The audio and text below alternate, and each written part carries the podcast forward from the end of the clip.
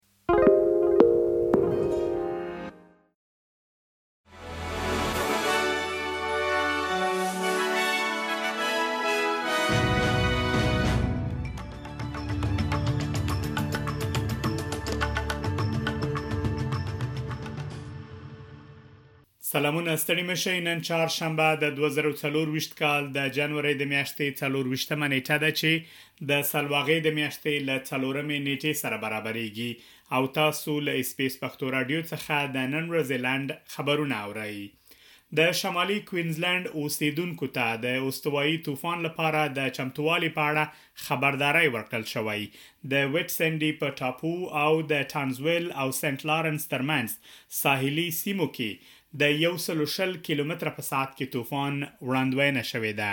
د کوینزلنډ لومړي وزیر سټیون ملس ویلي، هغه سیمې چې احتمال لري د کریلي توفان له خوا زیانمنې شي، څومره چې کیدای شي چمتو دي. د ترکیې پارلمان له نږدې دوه کلن ځنډ وروسته په ناټو سازمان کې د سویډن د غړیتوب وړاندیز تایید کړ. د ناټو ټول غړي به د هغو هېوادونو غوښتنلیکونه تصویب کړي چې غواړي په دغه اتحاد کې شامل شي.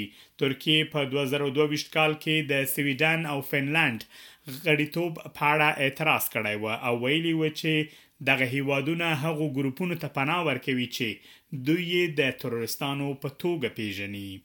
ډونالډ ټرمپ د نیو همشایر ابتدايي ټاکنې د جمهوري غوښتونکو نوماندې نیکي هیلي پر وړاندې وګټلې، دا د جمهوري غوښتونکو د دوه زره او څلور ویشت ټاکنو په لار کې د هغه دوهم بریالیتوب دی. اوسنی ولسمشر جو بایډن هم په نیو همشایر کې بریالی شوی دی، سره له دې چې د رای اچونې پر مهال غیرحاضر و. سره له دې چې ډونالډ ټرمپ مخکښ دی، نیکي هیلي وايي مبارزه لا پای ته نه ده رسېدلې او خپلو پلویانو ته یې ډاډ ورکړی چې شاته به نه ځي. د سویلي اسټرالیا پخوانی لومړی وزیر سټیون مارشل وروستی سیاستوال دی چې خپل سیاسي تقاعد یې اعلان کړ.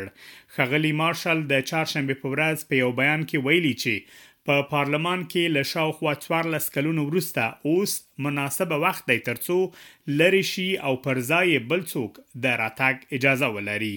اووه پنځوس کلن سټیون مارشل د دوه زره او اتلس او دوه ویشت کلونو ترمنځ د سویلي اسټرالیا شپږ څلوېښتم لومړی وزیر و. په اسټرالیا کې میشت یو شمېر افغانان له حکومت څخه غواړي ترڅو له ښځو سره د طالبانو زور زیاتی وغندي او نجونو سره مرسته وکړي ترڅو هیواد پریږدي. د طالبانو حکومت په وروستیو کې یو شمېر ښځې د بد حجابۍ په تور زنداني کړي دي. د طالبانو دغه کار د افغان ښځو د وضعیت په اړه اندیښنې نورې هم زیاته کړې دي، د طالبانو له خوا د مناسب حجاب نه اغوستلو په تور د نجونو د نیولو په اړه د اسټرالیا حکومت تر دې دمه کوم رسمي غبرګون نه دی ښودلی، مګر د کورنیو چارو وزارت یوه ویاند ایس بي ایس پښتو ته ویلي چې افغان ښځې او نجونې د بشردوستانه ویزو په پروګرام کې لومړیتوب لري. دا وه د نن ورځې لنډ خبرونه چې ما مجیب منیب تاسو ته وړاندې کړل تر بیا مو الله مل شه.